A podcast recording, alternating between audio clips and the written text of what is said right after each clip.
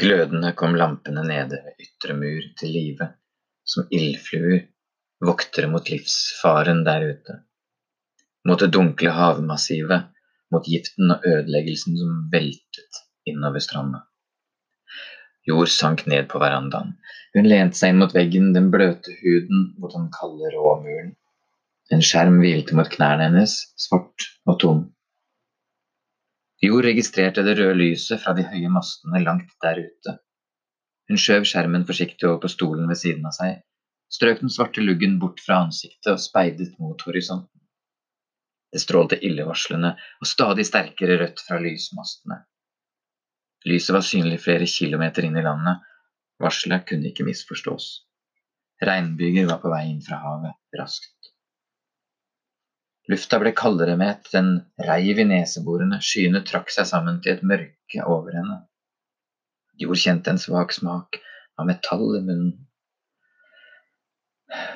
Tenk om hun kunne skru tida tilbake.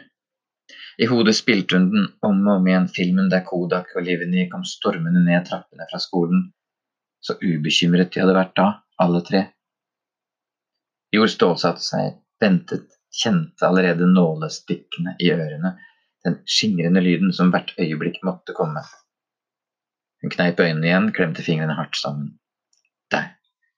Sirenene kastet seg over henne med uhyggelige, langtrukne ul. Den lyden. Hun ble aldri vant til den. Hun hamret inn bryteren på veggen ved verandadøra. Mekaniske armer spente ut den vannfaste sikkerhetsduken over verandaen. I neste øyeblikk prikket det i taket over henne, og på rekkverket et par meter unna falt de første dråpene som små glimt av lys. Endelig døde sirenen hen. Vindmåleren glei langsomt i gang og roterte gradvis raskere. Jord kunne se bølgene treffe fjellet nå og trekke seg tilbake der ute. Bli sugd ned fra svabergene om igjen og om igjen ned i det svarte havet. Skjermen som lå på stolen, lyste svakt opp. Det kom en stemme fra den. Jord, jeg har sett værmeldinga, du sitter vel ikke ute nå?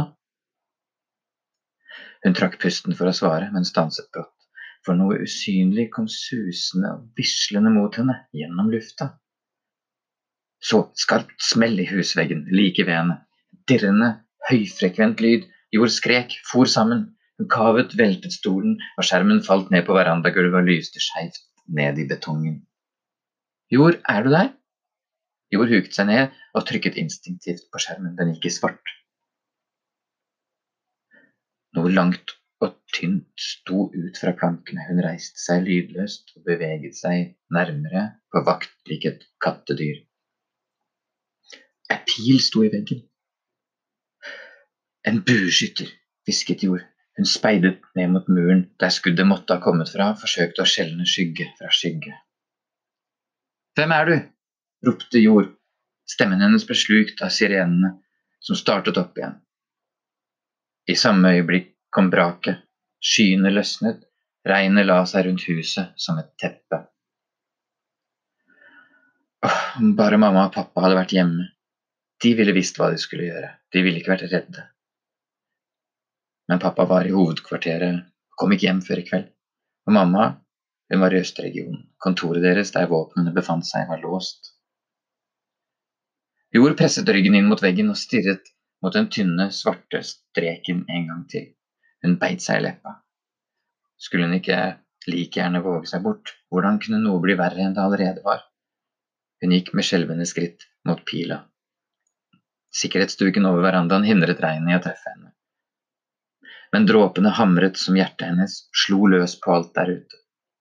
Det var en svart, tynn karbonpil med smale fjær annerledes enn pilene de øvde med på skolen. Den hadde boret seg dypt inn i veden. Små regndråper lå tett i tett langs skaftet. Først nå oppdaget hun at en liten lapp var surret fast til pila helt inne ved tuppen. Jord stakk hendene ned i lomma og dro på seg gummihanskene.